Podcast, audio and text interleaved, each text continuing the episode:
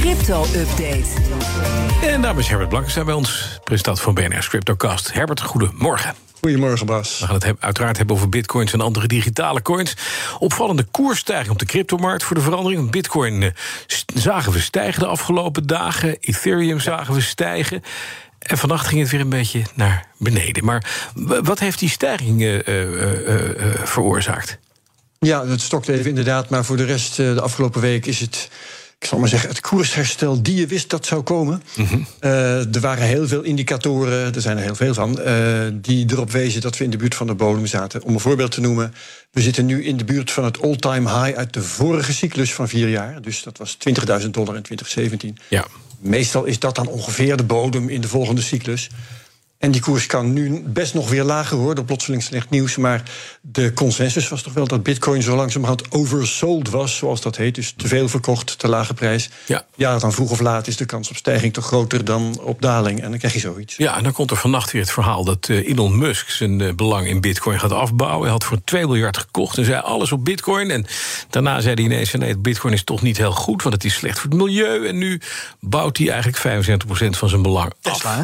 Ja. Sorry, Tesla. Musk zei ik ook. Ja, is Tesla. Nou Tesla had het. Musk maar Musk, Musk is daar de baas, precies. Dus is dat Tesla. En nu krijgt hij er nog een miljard voor. Uh, is dat ook iets wat, wat Bitcoin-beleggers misschien doet schrikken, waardoor we nu de koers weer 2% lager zien staan?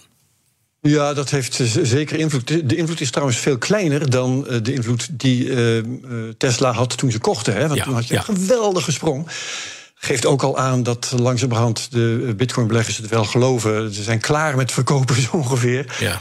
Dus dat, dat valt allemaal wel mee. Het is, het is wel jammer dat Musk dat doet. Hij verliest er trouwens zelf uh, volgens mij redelijk wat op. Ja, een miljard bijna. Hogere ja. prijzen had gekocht. Ja. ja, dus dat moet hij verder zelf weten. Mm -hmm. En uh, er zijn genoeg kopers op dit moment bij deze prijzen om dat te compenseren. Duidelijk. Dan even naar Ethereum. Hoe zit dat daar? Want die zijn ook goed gestegen.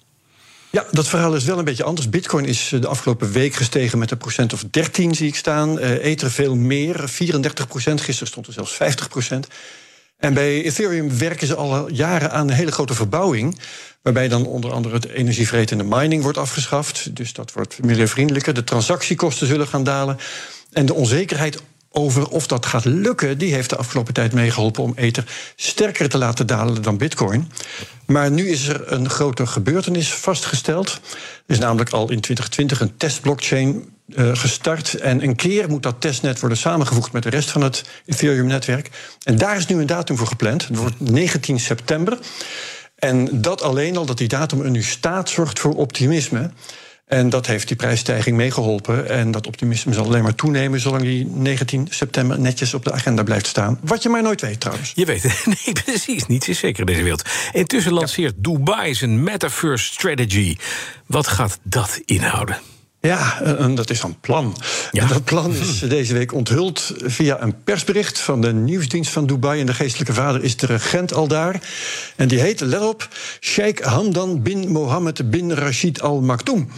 En hij heeft behalve heel veel namen ook heel veel functies. Hij is vicepresident, eerste minister en kroonprins. Mm -hmm. En hij vindt dat Dubai in vijf jaar tijd vijf keer zoveel blockchain- en metaverse bedrijven moet tellen.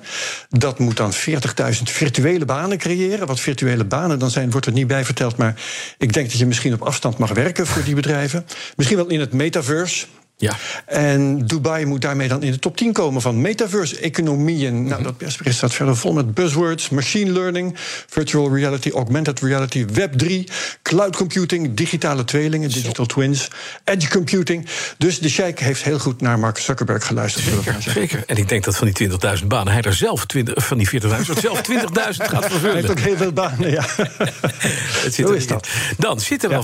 wel in Dubai, neem maar even zonder gekheid, want het zijn jongens ja. die wel goed aan de weg timmeren. Zitten er veel crypto-bedrijven daar al in Dubai? Ja, ja, ja, er zijn echt wel een paar grote namen al daar bezig. Bedrijven als Binance hebben we al meer van gehoord de laatste tijd. Crypto.com hebben daar vestigingen. Ook FTX, de exchange die bezig is geweest om een paar van die uh, wiebelende crypto-leenbedrijven te redden met leningen. Uh, Dubai is druk met het geven van licenties voor cryptohandel. Ook Binance, Crypto.com, maar ook bijvoorbeeld Huobi en OKX. Ik heb nog een aantal lijsten gevonden. Er zijn ook heel veel kleinere bedrijven waar ik zelf nog nooit van had gehoord. Het is dus echt wel serieus te nemen hoor, dat initiatief. Uh, er zitten sowieso veel techbedrijven in Dubai. Ze hebben een gunstig vestigingsklimaat. En volgens het persbericht zijn er alleen al in virtual reality en augmented reality al 6700 banen in uh, het uh, Emiraat. Oké, dan uh, Trezor, een bedrijf in hardware wallets, rapporteert een stijgende belangstelling voor zijn producten. Ja, ja, ja, dat doen ze. Nou ja, dat is een beetje hun eigen winkeltje promoten. Ik heb geen idee of het waar is. Ze geven er niet eens cijfers bij. Maar uh, ja, het ijzer smeden als het heet is. Want uh, nu al die cryptoleenbedrijven, Celsius en BlockFi en zo het moeilijk hebben, uh, wordt duidelijk dat het riskant kan zijn om je coins niet in je eigen handen te hebben. Hè. Not your keys, not your coins. Dat is het gevleugelde woord ja. in de cryptowereld. En die hardware wallets, dat zijn, uh, je weet het misschien, een soort USB-sticks. Die bewaar je los van je computer, los van je telefoon. Die worden al jaren gezien als de veiligste oplossing. En ik dacht, laat ik dat zelf dan toch ook maar eventjes benadrukken. Uh, ze zijn technisch wat ingewikkelder, wat minder gebruiksvriendelijker, maar wel veiliger. En om dit dan geen reclamespot voor Trezor te laten zijn, zal ik zeggen dat het andere grote merk op dit gebied Ledger heet. Ja. En ik heb ze allebei wel getest en ze doen het allebei prima. Dus uh, probeer dat dus, zou ik zeggen, als je crypto hebt. Dan, Herbert, wat heb je in de CryptoCast deze week? Wij doen de edele kunst van de blockchain-analyse. We hebben Bas Lemmens op bezoek. Een Nederlander in dienst van het internationale bedrijf Chainalysis. Wordt veel genoemd als het gaat om onderzoek naar transacties op de blockchain. Dat is die openbare administratie hè, van uh, bitcoin, veel andere cryptocoins. Zij halen daar informatie uit wie hoeveel crypto heeft, wie er hoe actief mee handelt. En ook over criminaliteit in crypto bijvoorbeeld. En volgens gegevens van Chainalysis is er uh, relatief minder crimineel geldverkeer in crypto dan in dollars of euro's, om maar eens een belangrijk resultaat van hun te noemen. Ja. Nou, in deze CryptoCast hebben we het over veel meer van dat soort dingen. En die is sinds dinsdag al beschikbaar, dus je kunt gaan luisteren. Dankjewel, Herbert Blankenstein. Alle afleveringen van de CryptoCast te beluisteren via de BNR-app, bnr.nl of jouw eigen favoriete podcast-app. Crypto-update wordt mede mogelijk gemaakt door Amdax. Alleen voor de serieuze cryptobelegger.